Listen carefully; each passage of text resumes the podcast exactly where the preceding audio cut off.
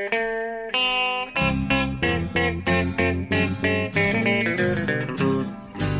out there, we're on the air. It's hockey night tonight. Tension grows, the whistle blows, and the puck goes down the ice. The goalie jumps and the players bump, and the fans all go insane. Someone roars, Bobby scores at the good old hockey game. Oh, the good old hockey game is the best game you can name. And the best game you can name is the good old hockey game. Hallå, hallå, hallå, hallå allihopa och eh, fantastiskt varmt välkomna ska ni vara till ett nytt poddavsnitt. Det var ett tag sedan sist, det har gått en dryg vecka. Nu är det dags för avsnitt nummer 118. Och det känns faktiskt skönt även för mig att eh, kunna hälsa Per Bjurman välkommen tillbaka från New York. Hur är läget? Jo, eh, tillbaka till New York trodde jag du skulle säga. Ja, just det. Från New York, ja. Ja, jag gör äntligen en pod podcast i, i New York. Säsongens första. Just det, det är det ju faktiskt. För nu har jag varit ute på... Ja, jag åkte till Sverige 9 augusti, sen dess har jag varit här en halv dag. Så nu har jag kommit tillbaka på riktigt efter Sverigesemester, träningscamp med Tre Kronor, World Cup eh, och eh, ja. Mycket, mycket, mycket, mycket, mycket skönt att vara tillbaka här. Får jag Ja, säga. Och de är riktigt eh, aktsamma lyssnarna kanske kommer ihåg att eh, avslutningen på förra säsongen så var det dels mycket slutspelshockey för det och sen så var det på roadtrip och grejer så det var inte mycket New York-poddar då heller. Nej, det är sant. Det, är faktiskt, Det här är nästan det ovanligt, en raritet. Ja, det känns lite konstigt att sitta här igen. Men ja, ja då var jag ute på, ja, först som sagt hela slutspelet i Tampa och Pittsburgh, Nashville och San Jose och allt vad fan jag var. Vart var det inte, jag på att säga. Det var, det var inte Edmonton i alla fall. Nej, men det kommer i, det kommer i vinter. Det kommer i. Som, som det är ett slutspelslag i år. Oj! Ja, du, du slog till med det. Du kanske får till och med få anledning att återvända till Toronto här inom kort. Nej, nu ska vi inte ta Det ska i. vi inte överdriva. Nej. Nej, jo, nej, det har varit fint att vara i Toronto, men det är, eh, drygt två veckor var, var rätt så lagom att få komma hem och få lämna Big Smoke. Ja, jag förstår det. Det är ju en... Eh, har du varit i Toronto? Jag har bara varit i Montreal i Kanada så att jag har ingen personlig erfarenhet av att vara i Big Smoke. Faktiskt. Ja, det, är ju en, det är ju en riktig storstad alltså. Väldigt sånt... Eh, eh, ja, det har en sån vimrande puls där. Eh, men ändå så känns det hela tiden att man är i Kanada. Det är inte, det är inte samma, samma nerv och energi som här nere, south of the border. Nej, exakt. Det är min upplevelse av när jag var i Montreal att det är, liksom, det är mellansteget eh, mellan Europa och USA. Ja, lite så. Ja, det är lite snällare. Ja. Ja, och jag, är- jag njuter av att känna det här, den här sortens eh, elektricitet igen. Ja. Ja, här. Ja, jag, jag har ju, jag, du, du bor ju där så det, det, det förstår jag. Men det, du, har, du hävdar väl att New York är dödstad i världen? Världen ska ju, ja för mig är det ju det. Jag har inte varit i alla världens ställen så man, man, ska inte, man ska inte prata om saker man inte har total koll på. Nej, du- Även om jag gör det, hela den här podden bygger väl Ja, det är det vi håller på med hela tiden. Så det, ja, ja, jo det är världens bästa stad. Ja, det är inget snack om. Inget snack om saken. Nej, men eh, i den här podden i alla fall så... eh, så eh, vi har ju, det var ju ett tag sedan vi spelade in faktiskt. Så vi har inte ens diskuterat Sveriges World Cup eh, ordentligt sen de åkte ut. Och finalveckan här har vi helt passerat förbi den här podden hittills. Så att, eh, grejen är att vi, vi kommer snöa in eh, pyttelite grann på NHL som man börjar bli, känna ett riktigt starkt sug efter nu i slutet av den här podden kanske. Men framförallt kommer det bli World Cup-fokus här. Och sen så, som Bjurman, du vet ju, du vet ju att det kommer bli mastiga poddar här eh, i, i, i två avsnitt framöver när vi ska gå igenom varsin, eller båda konferenserna helt enkelt. Den här podden är lite buffertzon mellan eh, World Cup och NHL-säsongen kan man väl säga. Exakt. För de, det är väl de mastigaste poddar vi gör på hela säsongen. Med att gå igenom varje lag. Ja, de, de hotar ju, precis, det hotar ju eh, vår avslutningspodd varje säsong när vi går igenom, som brukar bli två timmar lång, när vi går igenom alla lag. Nu Ja. får vi i alla fall dela upp det i varsin konferens. Ja, Så det, det, det, blir, det blir nästa vecka. det ska bli kul. Jag, jag har börjat med det där nu. Titta på, försöker blogga till att börja med. Ja. Om alla lag. Ja, just det, det brukar du göra. Mm. De är så många. Just det, just det. Ja. Ja, det, det, då, då snackar vi om vi pratar två timmars podd här. Då pratar vi av ni som inte är helt insnöade i journalistikbranschen kanske inte är bekväma med antal tecken och så här. Men det är ju herrans mycket tecken så det går inte att räkna hur mycket som ramlar in i bloggen då när du ska skriva om alla lag. Så det, du, kommer, du får börja redan nu förstår jag. Usch ja. Ja. Men hörru, ska vi börja med World Cup eller? Ja, det kan vi väl göra som nu eh, är över. Och som du nämnde där, vi, vi spelade in förra fredagen och då väntade vi fortfarande på semifinalerna. Exakt. Eh, den ena spelade Kanada mot Ryssland och vann komfortabelt, mm. får man säga. Ja, får man säga. Och sen dagen efter på söndagen där det var en dyster söndag i Toronto. Då åkte Sverige ur mot Team Europe och det var ju inte som vi hade tänkt oss. Nej, det var inte riktigt det vi diskuterade i det senaste avsnittet skulle hända. Nej, och alla jag, men jag uttryckte oro över det där att eh, alla gånger kan jag säga att det är givet att Sverige slår Team Europe. Mm. Eh, de kommer att spela final. Mm. Och det, det, det, går nästan alltid åt skogen när, när alla har för, är för säkra på svenska landslag. Det finns en eh, tydlig analys att göra där faktiskt. Ja. Det, tvärt, det brukar vara när de är sågade och underdogs och ingen tror på dem. Då, då kan det gå bra. Ja. Ungefär som när de Men... hade förlorat premiären med 2-6, eller genrepet ska jag säga. Och sen så gick och vann premiären mot Ryssland som kändes som en otroligt viktig match. Att få ja. en bra start på turneringen. Då var det liksom... Ja. Ja, Nej. men tyvärr, Indien får man säga att matchen mot Ryssland var höjdpunkten rent spelmässigt för Tre Kronor. Ja, sen det var det starkt, starkt att komma tillbaka efter en inledande knocken mot, eh, mot Team Canada, eller vad säger jag, mot Team Nordamerika. Just det. Men därutöver så var det en besvikelse, tycker jag. Tyvärr. Ja, exakt. Man, man blev inte speciellt eh, förförd av det här Tre Kronor. Upplagan som man blev på pappret. Eh, den här backuppsättningen som vi har eh, pratat om i åratal att vi äntligen skulle få se ihop igen. Eh, såg bra ut redan i Sochi men nu har den utvecklats ett snäpp till och det känns som man skulle kunna ställa upp med två svenska backuppsättningar som skulle hålla World Cup-klass. Ja. Eh, ja, men de fick, de fick helt enkelt inte ut eh, max av det här materialet. Det kan vi ju konstatera. Nej.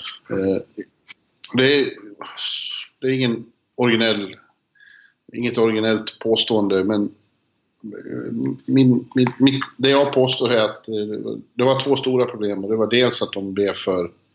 De predikade det här satans tålamod så mycket så att de blev tålmodiga som tibetanska munkar till slut. Och, ja. och gjorde ingenting. De blev passiva. Precis. Och, och sen använde de, var de för eh, låsta i hur formationerna skulle se ut eh, och blev oförmögna och, och matcha laget coacha laget under, under match. Det fanns ju kedjor som behövde stuvas om och, och, det var backar som behövde matchas hårdare och andra mindre. Ja, eh, jag håller med. Det var ju tydligt att Erik, Oliver och Viktor, de tre stora eh, offensiva kanonerna, mm. blev hämmade allihop av att inte få tillräckligt mycket speltid. Exakt, det tror jag. Var. Ja, både Erik Karlsson, inte minst, som är van att spela över en halvtimme per match i Ottawa.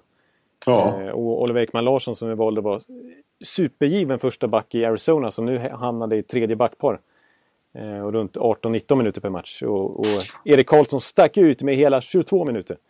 Så att visst, visst, man förstår ju lockelsen vid att, att jämna ut speltid när alla tre backparen håller så pass hög klass. Men det, som du säger, på något vis så blev det hämmande trots allt.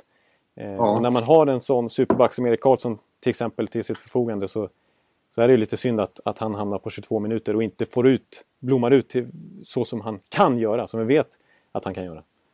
Ja, alla pratade om att de accepterar sina nya roller och det är speciellt och så, men det är ju lätt att säga, det är inte lätt att omsätta i, i praktik. Det, Nej. Eh, de, de, får inte ut allt helt enkelt.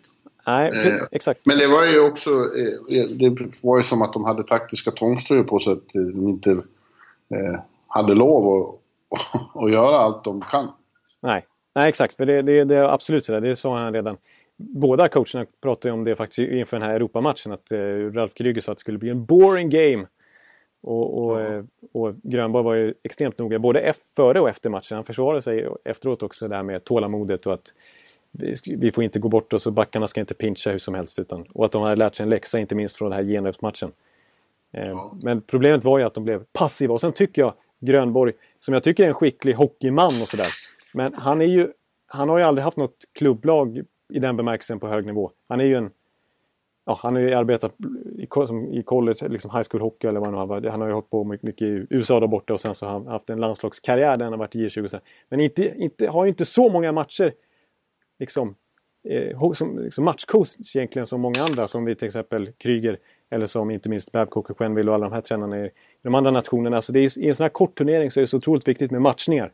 Och att ja, man har ingen tid... Å andra, sidan, å andra sidan har det, de svenska proffsen när de stötte på honom i början, det var väl kring Sochi det. Ja. Så var de imponerade just av hans, eh, att han var så bra på i båset under matcherna. Ja, och han har fått beröm också som matchcoach av liksom landslagsledningen och så här. Men man, jag märkte, man märkte redan i JVM-semifinalen i vintras när de åkte ut mot Finland att, att det hände lite för lite i, i att ja. coacha de heta spelarna och att kanske...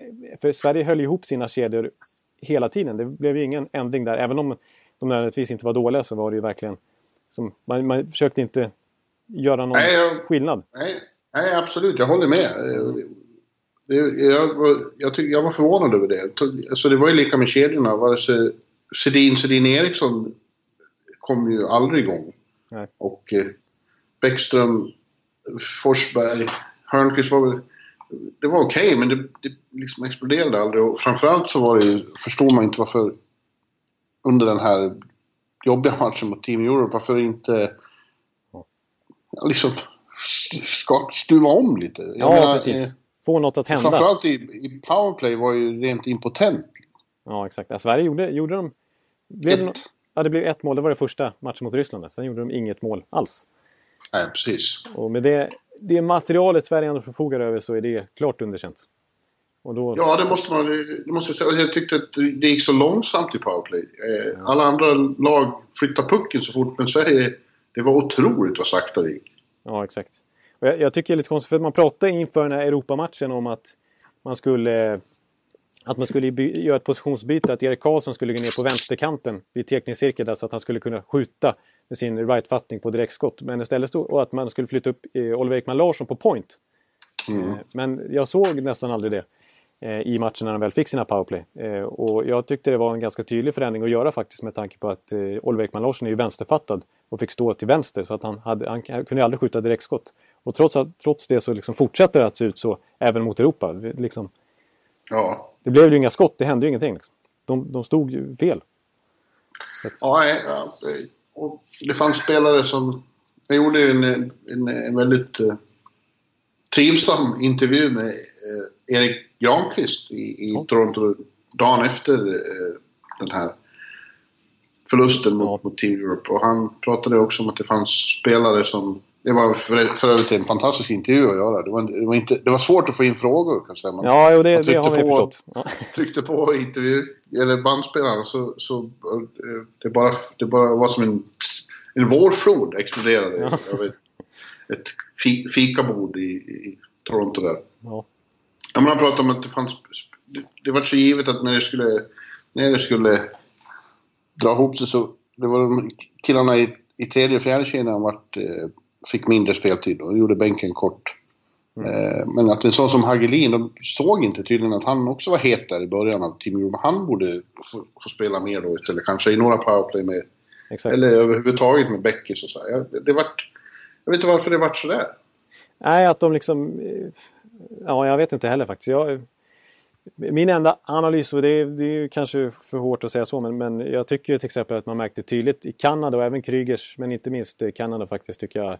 Alltså där, där har de ju sådana supermatchcoacher som Quenville som är grym, som expert tycker jag på just den matchningen. Även Babcock eh, är ju känd eh, supermatcher. Alltså den, den rutinen de hade. Och, nu behöver inte Kanada matcha så mycket i och med att de har fyra första kedjor.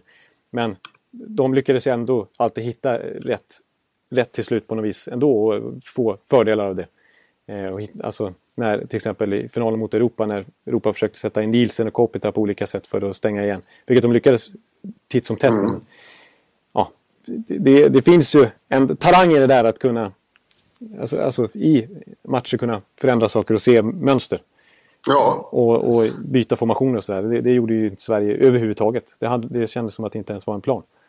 I, på, i, på just Nej, den fronten. Jag tycker det är lite förvånande. De har lagt ner så oerhört tid på det. Det var så otroligt många människor inblandade. De hade tänkt på varenda liten sket en detalj. Exakt. Eh, så man får nästan bilden att det var... Det tänktes för mycket på förhand och fanns för lite utrymme för flexibilitet. Ja, precis. Och just det där som de tryckte på själva, som du sa direkt, som du tröttnade på. Just det här med tålamod. Ja, det Inte- ordet vill man ju knappt höra. Ja. Inte ändra på saker, det kommer lossna, det kommer lösa sig. Ge dem, ge dem tid. Ja, ja det hade för mycket tålamod. Tiden På, ut. på så många sätt. Man hade för mycket tålamod i, i, i spelsättet och för mycket tålamod i, med kedjorna. Att det kom, det kom.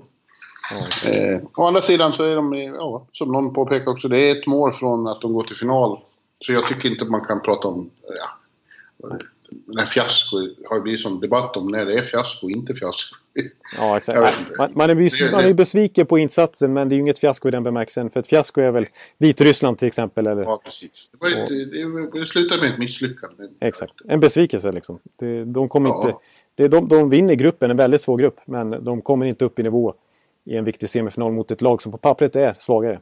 Trots allt. Ja, fast nu får vi ju nästan omvärdera det. Ja, vi ska, vi ska absolut ge beröm till Europa. För där hade vi många så kallade tycka, tycka tillare eh, undervärderat dem. Det är bara att konstatera. Och vi sa ju på förhand att vi hade ju frågetecken för Sveriges forwardsida att den eh, inte var tillräckligt snabb. Och det, det fick vi väl bekräftat att det var så till slut. Och vi har, alltså vi ska ju vara ärliga, vi hade ingen forward som är lika bra som Anse Kopitar eller Marian Hossa. Så är det ju bara. Nej, de, de har några riktiga som sticker ut extremt mycket där. De hade ju varit Sveriges två bästa, största stjärnor. Ja, det är mycket möjligt. Alltså, det är, ja, alla, alla fall Kopitar. I alla fall Kopitar, ja. Och så, Nej, så, så, som Hossa spelar i den här Hossa turneringen också. varit- Absolut. Ja. Jag tycker Hossa var otroligt bra. Nej. Men det var fler som stack ut. Och de hade ju fart också. Jag menar en sån som Rieder stack ju iväg gång på gång. Dreisaitl, Tatar. Zuccarello också. Zuccarello, ja. Och de, När han kom in de två i finalerna här så tyckte jag Bödker var bra. absolut. Och där tycker jag Kryger sk- och Paul Maurice också. För det, man såg ju att de två arbetade väldigt tätt och stod och pratade matcherna långa. Eh, Där, de vågar ju förändra sina kedjor och vågar göra saker när det inte stämde. Och sen hade de en, en tydlig matchplan som alla köpte och som var med på från början. Men så kunde de förändra den mitt i matchen också när det inte gick vägen. Så jag tycker att Europa gjorde en... Där, som vi skyllde, som var ett motargument mot dem för oss lite grann inför turneringen. Det var ju just det här att de har ingen nationstillhörighet på det, landslagstillhörighet just nu. Om jag säga. Och att det var ett löst sammansatt lag som inte hade så mycket att spela för tyckte vi. Men just på det, det, det blev en styrka för dem känns som. För de var så nederlagstippade att de kom ihop som grupp. De kändes nästan tajtast av alla lag tycker jag. Ja, Eh, ja det, blev, det blev nästan så. Jag, eh, jag- om, om, man, om man ska sammanfatta det, om vi ska lämna den där semifinalen då, Mm. att Sverige fick säga adjö och det var dystert på det sättet, så var det ju också för arrangörerna och för Toronto eh, inledningsvis en svårartad... Det var ju ett fiasko att Team Europe gick till final. ja, det var ju... Kanada, Kanada skulle upp mot ett lag som ingen höll på, som ingen brydde sig om. Det tappade ju liksom... Det fanns ingen spänning och nerv och dramatik kvar när finalerna skulle börja kändes det som. En, en, en World Cup-final i hockeyns mecka Toronto är inte ens fullsatt när Kanada spelade. För att eh, turneringen kändes nästan död när, när, när. Ja, det kändes ju så på stan och så allting klingade av. Det, det blev otroligt avslagen stämning tyvärr. Exakt, de ville kolla på Blue Jays istället. Det blev baseball. Ja, Blue, ja baseball har ju... Blue Jays stod 47 000 på sin... De jagar slutspelsplats i, i MLB. base, ja, baseball. De jagar en sån här wildcard-plats där och det var ju det som stan var engagerad i. Ja. Helt och hållet. Och som sagt, första finalen där så var ju också... Infriade ju... Eller... Det var precis som man befarade. Det var otroligt deppig stämning i hallen. Var inte fullt. Eh, inga, inget liv på läktaren och en genuint tråkig match också. Ja, exakt. Det där... Ja, Kanada gjorde vad de skulle ungefär. Europa stod upp bra och ledde skotten, kommer jag ihåg, efter halva matchen. Eh, Ja. Men eh, sen så tryckte Kanada på lite grann i tredje perioden och gick och vann den där ganska komfortabelt. Det blev inte så spännande. Ja, men sen under andra finalen hände ju något. Och andra halvan, de sista 30 minuterna av World Cup, då var det riktigt... eh, Det var riktigt kul faktiskt. Riktigt spännande och dramatiskt. Och, och hockey med, med liksom... Som betydde någonting. Absolut. Absolut. Nej, men då var Europa eh, riktigt bra. Eh, Och Kanada var faktiskt lite sömniga i den matchen också, men de blev tvungna att vakna till med tanke på att Europa faktiskt tog ledningen. Direkt. Ja, Ja, efter halva matchen så vaknade de till och insåg att det måste nog göras något här. Men så var det först sista minuterna de lyckades. För att, eh, Team Europe var extremt bra eh, defensivt och Halak spelade ju som... Ja, han spelade ju riktigt bra. Ja, att han har hittat tillbaka till sån form. Ja. ja. Han och, det, så det var som var inne på förut, eh, förra podden eh, redan då. 2010-vibbar när han ju var målvaktskollega ja. med Carey Price. Ja. I Montreal. Just det. Och slog ut Slovakien väl eh, ur OS också. Eller slog, med Slovakien slog ut Sverige ska jag säga. det hade varit ja. konstigt om han slog ja. Han är svenskdödare. Ja, just det. Precis. Ja, men framförallt höll han på att bli Ja, men sen vart det sånt eh, otroligt eh, tillspetsat slut där när... Alltså, Team Europe leder med 1-0, eh, drygt tre minuter kvar. Kopitar åker på en hård utvisning. Eh, och då kvitterar Berger, men strax därpå så får ju Kanada en utvisning. Drudari åker ut, man tror att oj, oj, oj, oj. Nu kan Team Europe avgöra det här, tvinga fram en, en tredje match. Och, och Crosby sa efteråt, och vår lilla tanke var nu tar vi den här utvisningen och, och tar det här till förlängning. Ja. Men då, då avgjorde istället Brad Martian. en av turneringens stora profiler. Ja, så det var ju Boston som vände den här matchen åt eh, åt Kanada. Ja, det får man säga. Och där vill jag bara påpeka också att eh, Roman Joseph var det väl som hade ett stolpskott där också. I, ja, i powerplay innan. Och en bra räddning av Care Price på ett... Det var en, en bra otrolig räddning av Care Price faktiskt. Mm. Det var Vanek som ställde fram. Jag tror det var Hossa som sköt det skottet. De fick ja, ett ruggigt tryck i det powerplayet. Ja, då kokade det faktiskt plötsligt i Canada Center. Det var, då var det kul. Och sen så när, ja, precis, och när Martian gör det där målet som man vet kommer att avgöra matchen i princip. Ja. Det är bara någon minut kvar, det är klart. Då, ja, då märkte jag till och med... Jag var, kan jag påstå att jag var inte supertaggad för att sitta uppe en natt till till klockan fem. När man visste hur det skulle Nej. gå. Men det är klart jag måste ändå se det. Och sen så, men jag var ju klarvaken där klockan 04.47. När man såg det. den där avslutet. Ja, vid det laget så tyckte man ändå synd om Team Europe. För då hade de gjort det så bra och förtjänade, tyckte jag, en match Den matchen till. förtjänar de faktiskt att vinna, tycker jag. Ändå. Det var ju Carey Price som, som hade räddat Kanada till 1-1 i det läget.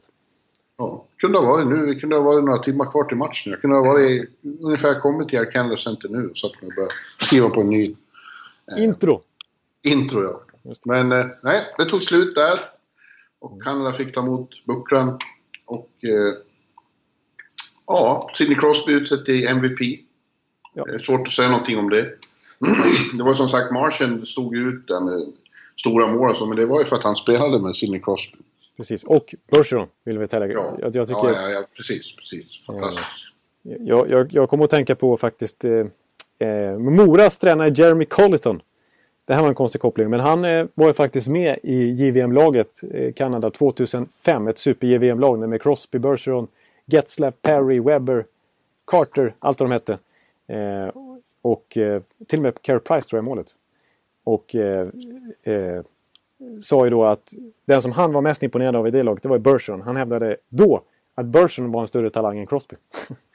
Så att, eh, det säger ju någonting i alla fall om Bergerons talang också som jag tycker har varit konsekvent lite underskattad under hela sin NHL-karriär. Eh, och, ja, sen säger, tycker jag att den första kedjan var man ju lite, fråga, frågasättes ju lite inför turneringen också. Man tyckte det var lite konstigt att Crosby satt parades ihop med Bergeron och, och liksom Martian. När det fanns Tavares, Stamkos, Segin. Den typen av spelare. Alltså, Men de visste vad de gjorde med den kedjan. Ja, exakt. Det var absolut överlägset bästa kedjan i både i Kanada till och med, men också liksom hela turneringen. Eh, de, ja, det, är, det, är ju, det är ju smart att, att, komma på den kedjan. Det är, det är, någon, som har, exakt. det är någon som har tänkt. Precis, för där märker man att varför de, ja, de som står i, i det där båset, att de har lite NHL-matcher på meritlistan och framgångar. Eh, ja. För att eh, det var, det var en supersmart kedja. De kompletterade varandra perfekt. Och liksom det här med att Bergeron och Crosby kunde teka från varsin sida och att de kunde växeldra med defensiva jobbet och, och sticka i forecheckingen och styrspel och allting. Liksom klaffar ju klockrent. Och den snurren de fick offensiv zon hela tiden. Så att, och de slutade ju 1, 2 och 3 i poängligan. Liksom. Det säger ju allt ja. om ja. deras succé. Att, och, Brad Martian, alltså han är ju lite underskattad men i det här Kanadalaget, för i och med att Jamie Benn gick sönder så var ju han faktiskt den som hade gjort flest mål förra säsongen. Han gjorde 37 pytsar i Boston förra säsongen. Det är ingen annan som gjorde så mycket på, mål. Eh, förra säsongen. Han var faktiskt bästa målskytten inför turneringen också. Mm. På pappret. Ja. Little Ball of Hate. Men du, om man skulle sammanfatta alltihop då, World Cup. Jag, jag, det vart inte... Jag var tvungen att erkänna att jag nog jag, uh, hypade lite för mycket. Jag var ju väldigt febrig om att det skulle bli tidernas turnering. Jag trodde så mycket på det här konceptet att de fick träna ihop och att det skulle vara samma stad och bli kompakt och så. Men mm. eh, det blev inte riktigt den succé, vare sig publikt eller hockeymässigt, som jag hoppades och trodde. Man såg ju en sån sak som att det var ju till exempel inte särskilt fysisk hockey. Det var ju ingen som... Nej. Det var väldigt få tacklingar och, och inte särskilt eh, fysiskt i, i, i närkamperna. Och det, det bevisar väl då att spelarna... Nej, inte riktigt brann för det till 110 som är ett Stanley Cup-slutspel till exempel. Nej, och inte ens, alltså, de vill inte bli skadade innan NHL-säsongen. Eh, så, så det var, de brann inte på, på, på det sätt som man kanske trodde då. Och, men å andra sidan så har turneringen inte fått den är ju helt ny i det här formatet. Ja. Eh, och för den här generationen spelare. Så den har inte fått någon status än. Det kanske, det kanske ändrar sig. Man kan också konstatera att de här två konstgjorda lagen... Mm. Ja, det, det, det, blev just så konstigt som skeptikerna eh, hade sagt. Det, det var ju otroligt kul med med Team Nordamerika för att de spelar Ja, de spelar ju fantastiskt. Det var ju en underbar hockey, så ibland det bästa man har sett faktiskt. Ja, och, eh, ja, och Team Europe gjorde det ju bra, men det, det förstördes ju lite av att de gick till final. Det är svårt att se det på något annat sätt. Ja, alltså de gjorde det bra, men, men eh, de, fick ju, de spelar kanske inte den mest underhållande hockeyn. För att, eh, för, på grund av, och det var därför de var framgångsrika också, för att de insåg sina begränsningar gentemot vissa motståndare. Men, men det, det var ju konstigt att möta dem, liksom, för det kändes inte som en landslagsrival på något sätt. Det blev ju inte de här känslorna. Nej, det blev, det blev liksom lite, lite pajigt. Nej, precis. Det blir för lite känslor. Det är väl så jävla viktigt med känslor i hockey. det är ju bara att kolla på liksom, publiksiffrorna i den semifinalen när det inte ens är halvsatt i en hockeystad. Nej. Ja, nej. Precis. Och, och, så att ska de här komma tillbaka, ska det komma, turneringen komma tillbaka om fyra år, och det verkar ju som att den ska, då måste de ju korrigera en del saker. Jag tror att vi har sett det sista av de här eh, underliga lagen. Även om Team Nordamerika som sagt, det var ju en braksuccé bland unga människor. Alltså det är ju fortfarande, sista dagarna här så var det ju eh, Team Nordamerikas svarta tröja var ju den stora souvenirsuccén. Den ja, sålde ju mer än allting annat. Och man såg den överallt på stan, framförallt hos kids. Ja, just det. Ja, dels för att eh, de var riktigt bra spelare under hockey och dels för att den var snygg. Ja, det fanns det. Men det var också att det här var ju nya idoler för väldigt ja, många. Exakt. Framförallt för unga människor då. Och, och dessutom är det ju lite klenod och den kommer ju aldrig att användas igen. Superball grej att ha, ha i sin byrålåda 1946. Eller ja, 2000... hade man det 1946 Ja, då, då, då var det jävligt Shit vad cool man hade varit då. Liksom. Jag har en tröja från Kolla, 2016 här. De... Ja. ja, det blivit ja. fel. Ja. Det blev lite fel. 2046 tänkte du? Ja, jag tänkte så. Var... Jag är 79. Ja, just det. Ja. Ja, nej men... Eh, jag... Ja, visst. Men eh, om jag... Det, det, säger något, det, det jag kommer att komma ihåg bäst så är... Eh, ja, det var ju ändå roligt att hänga med runt Tre Kronor. Eh, mm. Men eh, annars, Team Nordamerikas eh, första byten mot Sverige. Ja, det, mitt, det, det glömmer man inte mitt infekterade pekfinger som vi diskuterade förra på så slutade med att jag följde min brors råd och det var ju bara katastrof. Jag hamnade på akuten till slut och fick ja, det, mitt finger opererat. Eh, jag minns eh, kvällarna på The Keg on York eh, och jag minns Niklas Holmgrens och Håkan Sörjens havrekakor som man fick gå och ta i deras kommentatorshytt i, ja, i pauserna. Det var riktigt det bra. De, Fyra plus. Det är de mest, ja, det är de mest bestående minnena av det här. Ja, då, det, det, det, låter trevligt men sammanfattningsvis så var det inte riktigt tidernas turnering utifrån eh, de omdömena. Nej. Får man ändå säga. Och jag, jag, Europa till exempel så, så man surfar man in på, på de här eh, liksom i danska och norska och eh, tyska medier så hittar man knappt en rad om World Cup tycker jag. Så att, Nej, de, de tog var ju... De tog, ja, förlåt. Ja, de tog liksom inte till sig riktigt det här konceptet heller trots att de hade spelarna, spelare med. Liksom. Nej, det visades ju knappt på TV där. Och, så det, det talar emot det vad Ralf Kryger pratade om, att det var en succé så tillvida att eh, hockeyn kommer att få ett upp, uppsving i, i de inblandade lag, länderna här. Ja. Eh, att det är så stort för Danmark och Österrike. Så det, riktigt så kändes det Nej, det blev ju inte så faktiskt. Även om jag tror att det var kul för just de här spelarna som fick vara med på den här resan. nationerna i sig skett lite i det.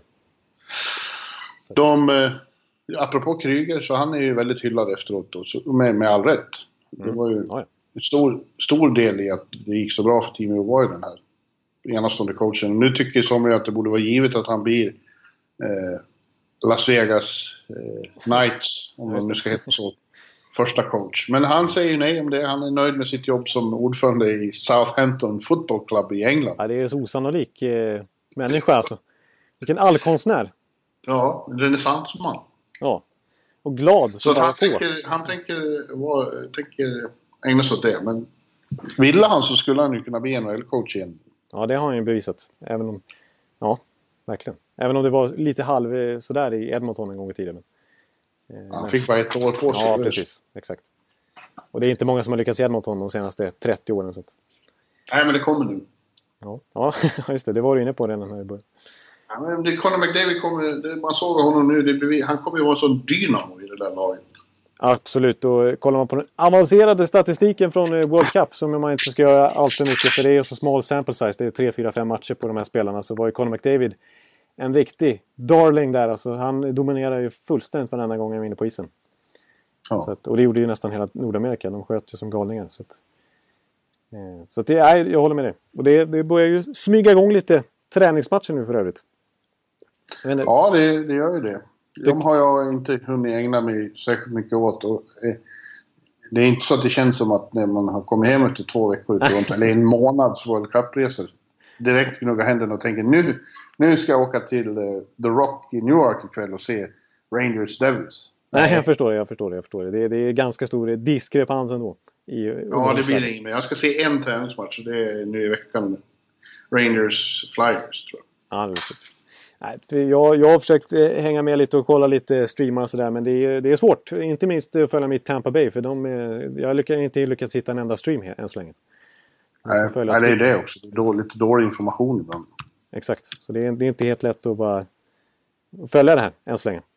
Eh, Nej, och dessutom så är det eh, så alldeles för lätt att, det är vanskligt att dra några växlar alls på det som händer i Ja, träningsmatchen. exakt. De finns bara till för att tränarna ska, och ledarstaberna ska, ska testa saker. Spelare och spelsystem och, och, och idéer. exakt. Så de säger, de säger otroligt lite om lagens slagstyrka framför allt. Men Exakt. även om vad individuella spelare kommer få för roll och, och så. Precis. Man, man ser ju från match, match till match att de kan byta ut i princip hela laget. Ja, För det är så pass mycket spelare kvar på campen vid det här läget. Snart kommer vi göra cuts här, ordentligt här. Men, men jag menar, det, det kan ju vara två olika roster som ställer upp natt, från natt till natt här. Ja, de spelar ibland två matcher samma dag. Ja, det är inte helt omöjligt. Nej, exakt. De kan spela varsin match. Liksom. Det är ju det är så pass till och med. Så att det, det inte... Så att, eh, så att Toronto slog Buffalo med 8-1 på fredagskvällen, det är, det är ingenting att bry sig om. Nej, exakt. Det, ska vi- det, är inte, det är inte så, så oroliga behöver inte Buffalo-fansen vara för det. Och Så, så, jag menar, I Toronto förstår jag om de börjar skriva Plan the Parade redan nu. Ja, Det ja dessutom lovade ju Babcock, han höll presskonferens efter finalen, att det här är bara något som...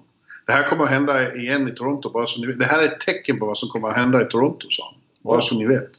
Pass. Och då var det någon som svarade, ja, du menar att ett, ett lag i Blåvitt kommer att vara otroligt nära en historisk seger och så får de hjärtat krossat av två Boston-spel. Ja, ja jo, det, det, det är inte en osannolik slutsats. Alltså. Det har vi sett. Ja. Ready to pop the question? The jewelers at BlueNile.com have got sparkle down to a science with beautiful lab grown diamonds worthy of your most brilliant moments. Their lab grown diamonds are independently graded and guaranteed identical to natural diamonds, and they're ready to ship to your door. Go to BlueNile.com and use promo code LISTEN to get $50 off your purchase of $500 or more. That's code LISTEN at BlueNile.com for $50 off. BlueNile.com code LISTEN. Men... Eh, ja, nej. Ska vi stänga igen World Cup-butiken för...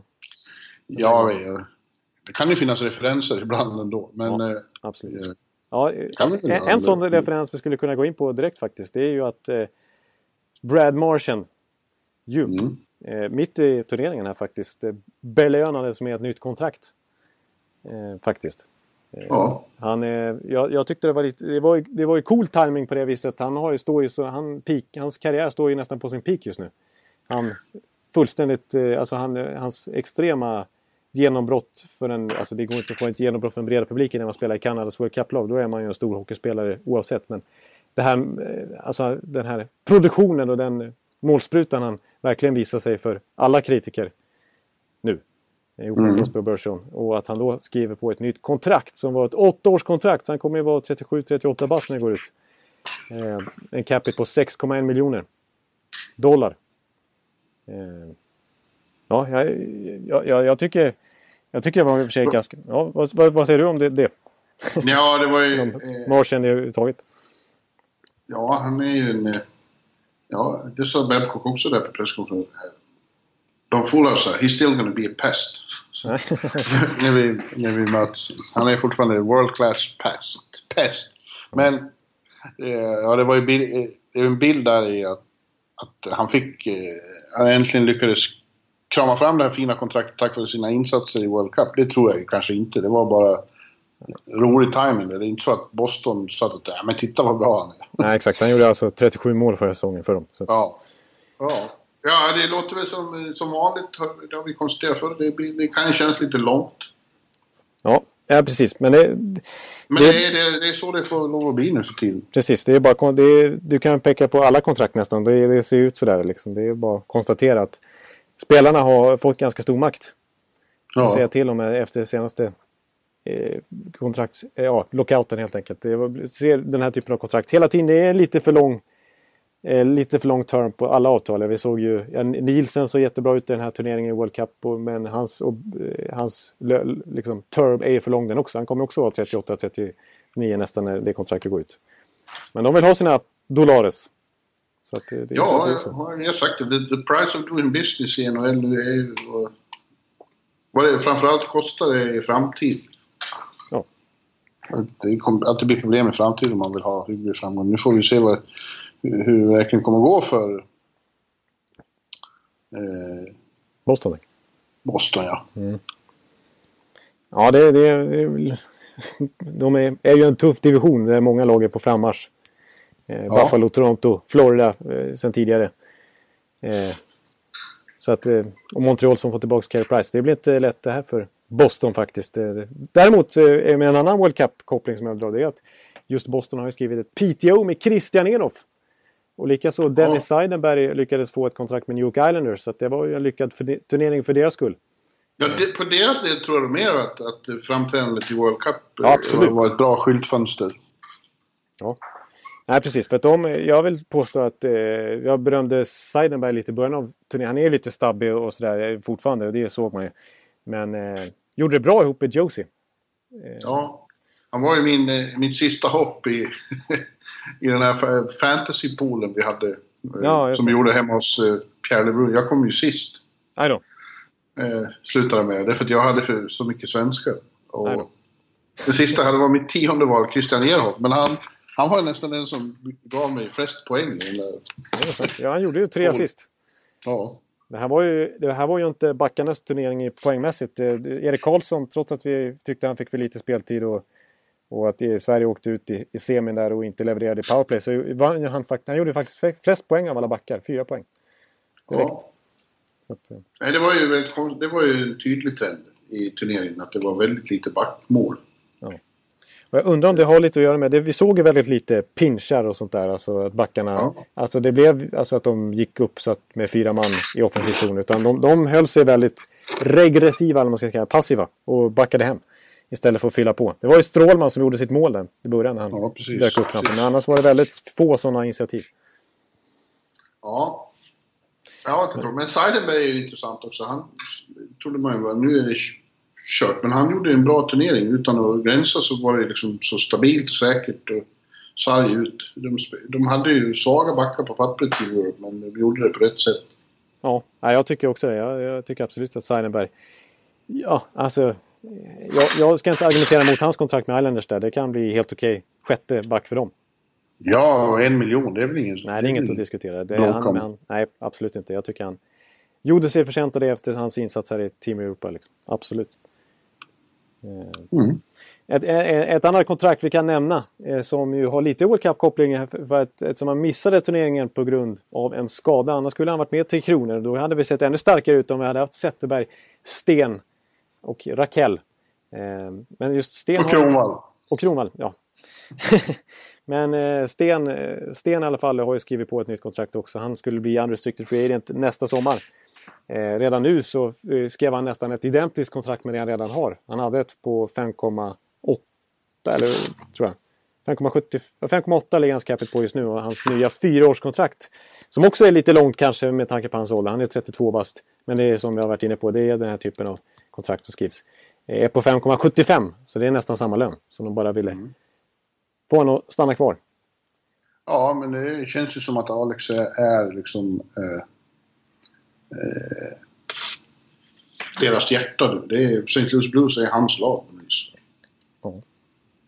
Ja, alltså... Nej, nu, nu Backes har försvunnit. Ja, nu är han... Backes borta. Det är inte så mycket av den där gamla ryggraden kvar. Alltså, som vi känner, Elliot är borta och eh, Backes är borta och, och eh, Oshie försvann ja, det, tidigare. Det är Pietrangelo och ja. Bowmister ja, som... Precis, men annars är det ju Tarasenko och Schwartz och de här som har tagit över. Och Jake ja, Allen, uttalad förstekeeper nu. De, de har ingen ny kapten. Jag tycker det känns som Alex kan bli kapten. Ja, jo, de har ju utsett en annan Alex. Ja, just det. Precis. Ja, Precis. ja jag tycker det borde ha blivit Sten. Ja. Ja, Sten får väl ha kvar sitt A åtminstone, men han är ju... Ja, det är en bra ledare. Eh, och jag förstår att de gör det här kontraktet. Det är som sagt... Eh, och han, visst, visst, man kan ju peka på att han, hans siffror har faktiskt gått ner lite grann senaste åren, men han är fortfarande väldigt hög nivå. Plus att han är ju en, han är en typisk tvåvägsspelare. Liksom. Eh, ja. extremt användbar i alla situationer. Eh, försvara ledningar, eh, göra mål på slutet, spela point i powerplay eller spela framför kassen i powerplay. Så att, eh, och gör ju 60 poäng ändå. Liksom. Så att det, det, det är lite oroväckande med de här skadorna han dragit på sig de senaste åren. Men, eh, men han är, han är, jag menar, de kan inte släppa alla sina pusselbitar. Och de riskerar ju att tappa en sån som Shattenkirk här snart också. Så att lite ja. måste de kunna behålla också. Ja, 5,8 det... miljoner för Sten, det tycker jag fortfarande att han kommer att göra sig förtjänt av. Det tror jag. Det tror jag med. Svårbedömt lag, St. Louis. Ja, precis. Exakt. Och lite konstigt. Det är både intressant och lite konstig situation där med Hitchcock som tränare ett år till. Uttalat ska Mike Joe var, ta över därefter, men först vara assisterande. De, de är liksom i någon slags övergångsfas här som man inte riktigt vet om det är positivt eller negativt. Nej. Nej, det är, det intressant. Så har ju Backes försvunnit. Vi får se om det är bra eller om det är dåligt. Ja, det är inte bra för Boston i alla fall. Oh! Ja, oh, oh. ja bra. Ja. Eh. ja, jag var bara tvungen. Det var en onödig släng kanske. ja, nej, men eh, jag, jag var inne på Rakell där också. Vi kan ju prata lite, måste ju ändå nämna två World Cup-svenskar där också som står utan kontrakt fortfarande. Den ena är Rickard Rakell och den andra är Hampus Lindholm. Båda i Anaheim Ducks. Ja, precis. Det är så pass till och med också. Så att, eh... ja, Rakell verkar ju som att han är ganska nära. Eh, Ex exakt. Förstått. Bob Stackars Rakell som, som fick så, sådana problem med magen så han var tvungen att ha, kunde inte följa med till Sverige till Canada Cup. Eller till World Cup. Ja, just det. Som jag tyckte såg spännande ut i Helsingfors-matchen. Ja, absolut, absolut. Det var lite tråkigt faktiskt. Tarmvred usch. Ja. Men, ja. men eh, han, där var det ju lite snack om att, att han hotar med spel i, i eh, KHL till och med om han inte skulle komma överens om ett kontrakt. Men det är... Så verkar... Ja, det verkar ju vara nära nu i alla fall. Exakt. Däremot så är Hampus Lindholm inte närvarande på camperna till och med i Sverige fortfarande. Precis, han tränar väl i Ängelholm i Rögle. Ja, för där har de inte... Där står de långt ifrån varandra. Men det skulle ju förvåna oerhört om, om han inte snart får ett kontrakt. Absolut, för han är ju deras första back. Eh, och, ja. jag, jag, jag, förstår inte riktigt varför det ska vara sådana problem. För det har läckt ut lite siffror vad de begär och sådär. Lindholm sneglar ju på minst 6 miljoner per säsong. Och min, ja, hans eget krav är ju 6,5 ungefär. Eh, men åtminstone över 6 miljoner på ett 6, 7, 8 års kontrakt. Medan mm. Anaheim värderar honom till ungefär 5 miljoner, 5,5. Ja, det känns som det borde kunna gå att hitta en kompromiss. Ja, precis. Det är, de är så extremt långt från där inte, men det är ändå tycker de var lite, lite dumsnålt av eh, Anaheim att inte bara... Jag tycker definitivt att, har vi sett på andra andra backar som vad de har fått så tycker jag inte att 6, i alla fall 6 miljoner för Hampus Lindholm är, är dåligt. Speciellt inte på sikt. Jag menar, han är född 95. Han är redan deras första back. Han har extremt bra underliggande siffror. Han gör ju alla sina lagkamrater bättre. Eh, och eh, vi vet ju vilken raritet det är att hitta unga spelskickliga backar. Det är ju det alla lag vill ha. Så att ja. här tycker jag att man ska vårda relationen med honom också. Och 6,5 miljoner kommer se jättebra ut för honom om 4-5 år. Så det är ingen risk. Men nu är det, nu är det Carlisle, så man vet aldrig. Ja, precis. Han kanske, det... han kanske inte delar din åsikt om det här. Ja, han sitter inte och febrar på samma sätt som Hampus Lindholm, kanske. Tyvärr! Men... Eh, Nej, det känns lite, jag tycker det känns lite onödigt att han ska behöva träna Ängelholm nu. Att de, att de ska vara så, så pass långt ifrån varandra som de verkar eh, rent diskussionsmässigt. De har ju knappt haft samtal här på slutet vad, vad det har eh, ja, diskuterats. Ja, nej, det verkar onödigt. Men eh, mm. ja, det skulle bli helt chockerande om han inte skulle hamna i NI. Absolut. Apropå Raquel så måste vi säga, ja det, det, det, tycker jag verkligen också, men apropå Raquel där så så tycker jag inte att han har totalt orimliga krav heller. För han har ju sneglat lite på vad Viktor Rask fick. Han fick ju sex, sex år och fyra miljoner per säsong. Mm. Eh, vilket ju... Ja, det var ju ganska... Vi, vi höjde lite på ögonbrynen då och tyckte det var rätt saftigt kontrakt att ge Rask direkt. Men samtidigt så gjorde han ju 48 poäng. Många säsonger vart eh, etablerade sig som en nyckelspelare där senaste åren. Eh, ja. Men, men Rakell är ju given i topp 6 också. Har bra kemi med Getzlaff och kan spela center också. Eh, så att, eh, och är ju tokgiven i deras ganska tunna topp 6 i, i övrigt. De har ju de... Topp 6 är inte tunn, men deras forwardsuppsättning i stort skulle vara en stor förlust att bli av med Rakell. De behöver snarare förstärka lite till. Ja, att, Jag tycker nog att 4 miljoner för honom inte är orimligt. Jag förstår att han kräver upp mot de summorna. Samtidigt så kan de väl snegla på vad de gav till Karl Hagelin och Jakob Silverberg och det var ju under 4 miljoner. Det var ju kring 3,5-3,75 så det är väl där de, de ser väl att han ska få ett Silverberg-kontrakt ungefär kanske. Och nu verkar det dessutom vara nära förestående så det blir väl ett, den typen av kontrakt när som helst skulle jag säga. Ja, Mar G. Murray verkar ha... Honom sätter man lite frågetecken för just nu. Ja, han har lite, lite märkliga värdering, värderingar som han har gjort de senaste åren. Han har lyckats bygga ner det laget lite grann. Från, ja. från att de var jättenära Stanley Cup-final för bara två år sedan. Ja, ja det är märkligt. Ja, då, det, till, till hans lilla försvar i alla fall, Murray, så, så ligger de ju ganska nära. De är inte så långt ifrån lönetaket. Och då ska de få in både Lindholm och Rakell. Och så vet vi ju sedan tidigare att Anaheim är ett budgetlag som gärna inte spenderar till, till taket för att få sin ekonomi att gå runt.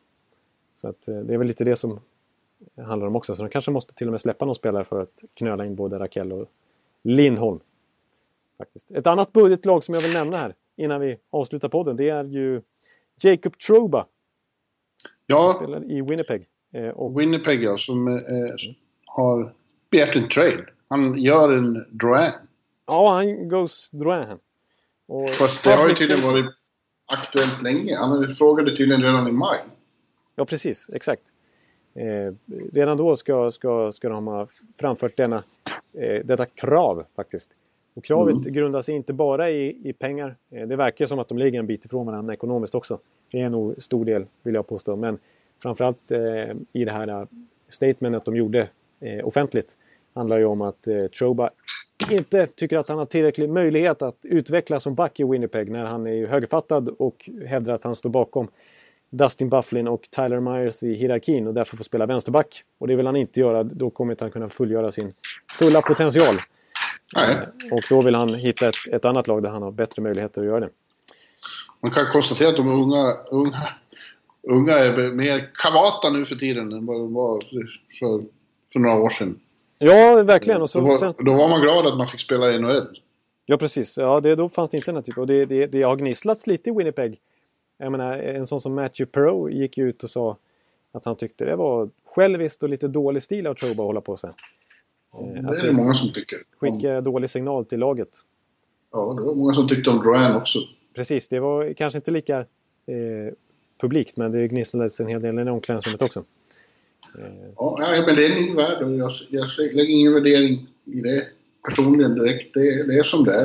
Eh, de har en annan syn på eh, är mer medvetna om sig själva på något vis och sitt värde. Ja, exakt. Och på ett sätt så kan man ju... Alltså det, det, det är en speciell liga NHL med tanke på att man är... Man, blir, man får inte välja vilken klubb man hamnar hos. Man, man blir draftad. Ja. Och eh, man har väldigt lite rättigheter de första 4-5 åren av sin NHL-karriär.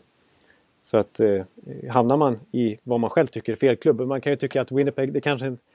Han som är amerikan dessutom kanske inte tycker det är jättekul att flytta norrut till, eh, till hålan eh, Winnipeg. Nej. Nej. Eh, Ja, i vilket fall så är det många lag som är intresserade nu. ja, Såklart. precis. Kan- du komma på något lag som du skulle se en bra fit? Det är klart att han skulle passa i många lag, men det ju, handlar ju om lönetaksituationer, det handlar om vad Winnipeg kan få i utbyte. Och det som gör det så svårt det är ju att Winnipeg vill ju inte bli av med honom. De vill ju Nej. att han ska stanna. Eh, Men ska de nu skeppa iväg honom, ja, då vill de ju ha en ung back tillbaks. Och i så fall en vänsterfattad som skulle kunna komplettera Mm. Bufflin eller Myers. Så det finns inte så många sådana. Det finns en, han håller till i Ängelholm just nu. Och heter Hampus Lindholm. Men han har ju ett högre värde än vad Jacob Trobe har. Ja. Ja, det har han. Ja, det finns många. Rangers har ju anmält intresse, men de har nästan ingenting. De har ingenting att erbjuda dem. Nej precis, de har inte så mycket första val och sånt där och, och kunna offra ytterligare heller. Det, Nej, verkligen inte. så det, de, de har verkligen gjort eh, sina satsningar tidigare. Eh, och eh, ja, nej, de, det känns som att de, de, de skulle ju verkligen behöva honom men, men de har inte varken löneutrymmet kanske eller, eller pusselbitarna för att övertyga Winnipeg. Ett, ett alternativ som skulle vara intressant som jag tycker är ganska rimligt värdemässigt det är ju Islanders där om Travis Hamonic får flytta hem till Winnipeg till slut. Och om Troba kan gå dit. Eh, det är för att visst, Hamonic är väl kanske lite mer begränsad än, än vad Trobe är som ju är, som jag ser stor potential i, både offensivt och defensivt. Fortfarande väntar lite på sitt genombrott, men jag tycker han har den här pondusen på isen. Och liksom, jag, jag gillar Troba, jag tror han kommer bli en, jag tycker han har första backspotential. Och redan nu så har han definitivt, ska han spela topp 4, utan tvekan. Eh, men, eh, men Hamonic har ju, det som är fördelen med Hamonic är att han sitter på ett sånt budgetkontrakt. Han sitter och tjänar under 4 miljoner per säsong fram till 2019 eller om det är 2020, 2020 till och med tror jag. Eh, så det skulle ju passa väldigt väl för Winnipegs plånbok. Plus att han ju då har tidigare framfört en önskan om att få flytta hem till västra Kanada också. Som vi minns Ja. förra säsongen. Så jag tycker det finns en fit där. Eh, Sen, ja. eh, Jag vet inte om, eh, om möjligtvis... Jag, jag tycker andra lag som skulle behöva backa det är... Eh, ja, Edmonton är ju ett sånt lag. om de ska ha in ytterligare en. Men de har ju redan tradat till sig en ung högerskytt i, i form av Adam Larsson. Och de har kanske Ja. ingen, ingen på vänsterkanten som skulle eh, uppgradera Winnipegs backuppsättning som de skulle vilja göra sig av med. Så att, Nej, men de har ju andra. ja, De kanske kan offra en eh, forward till. ja, precis. Jag menar, de har, jag menar, de har Jakubov och de har eh, Ryan Nugent Hopkins och Eberle som kanske hänger löst. Dreisaitl som Dreisaitl har de också och Puljujärvi. Precis, Mm. så att, eh, det finns ju, finns ju fler pusselbitar där att, att kunna bolla med i trademässigt. Jag tycker även Arizona har ju uttryckt intresse enligt Bob McKenzie, starkt intresse för Jacob Troba. Eh, De har ju Adam Larsson som vänsterfattad back. Nej, är han högerfattad också? Vänta nu. Nej, han är vänsterfattad. Och, Arizona Mm. har väl inte någon Adam Larsson? nej, ja, de, för de har ut, uttryckt intresse för ja, Oliver Ekman Larsson. Ja, ja. Du Så heter så. han. Så heter han. Du sa Adam Larsson. Ja, det var konstigt. Det var, det blev, det var eh, mycket Larsson där. Jag vart förvirrad. Här. Jag blev helt, ja, det blev väldigt konstigt. Jag- men- Kaffe. Jag sitter och tittar på något som rör. Det är stor rök någonstans här på Manhattan. Så jag brinner. vart lite di- disträ. Ja, Ja. nej men... Eh, ah, det, det är en svår situation med, de här backarna. Så det, det, men som eh, många varit inne på också så... Eh, jag menar, Drouin blev kvar i Tampa Bay eh, till slut. Och eh, Matt Merlot blev kvar i San Jose när han begärde trade förra säsongen. Så det, ofta, ofta brukar de här trade-kraven inte leda till någonting i slutändan ändå. Utan de kommer komma överens. Nej, men den här gången verkar ju Winnipeg vara liksom införstådda med att försöka hjälpa till att lösa situationen. Det är inte... De hatar inte varandra. Nej, nej det gör de inte. Nej, nej men det, det är en knölig situation. Alltså. Ja, jag vet inte. Det. Ja. Men det är Ja, samtidigt... vi får se. Vi får se. Men hör du, nu måste jag... Nu har vi hållit på en timme. Ja, vi, vi måste ladda batterierna för de maratonpoddar som kommer. exakt. Det här var bara en eh, försmak. Det här var ingenting mot vad vi ska göra nästa vecka tror jag. Nej, precis. Att, vi får nöja oss där. Och eh, tacka för eh, World Cup ändå. Och eh, blicka framåt mot NHL. För det, nu blir det full fokus på det. Det blir det. Du, Och tips och allt härligt nergrottande i 30 lag. Usch, oj, ja, det, mm. det, det, är både usch och underbart. Det kommer bli en pers. Ja. vi, eh, vi hörs alla lyssnare och eh, ta hand om er. Och Bjurman, du får det så underbart gött hemma i New York igen. Och du är i Örby. Ja, vad trevligt. Tack så mycket. Mm. Tack. Vi hörs. Vi hörs. Hej, hej. hej.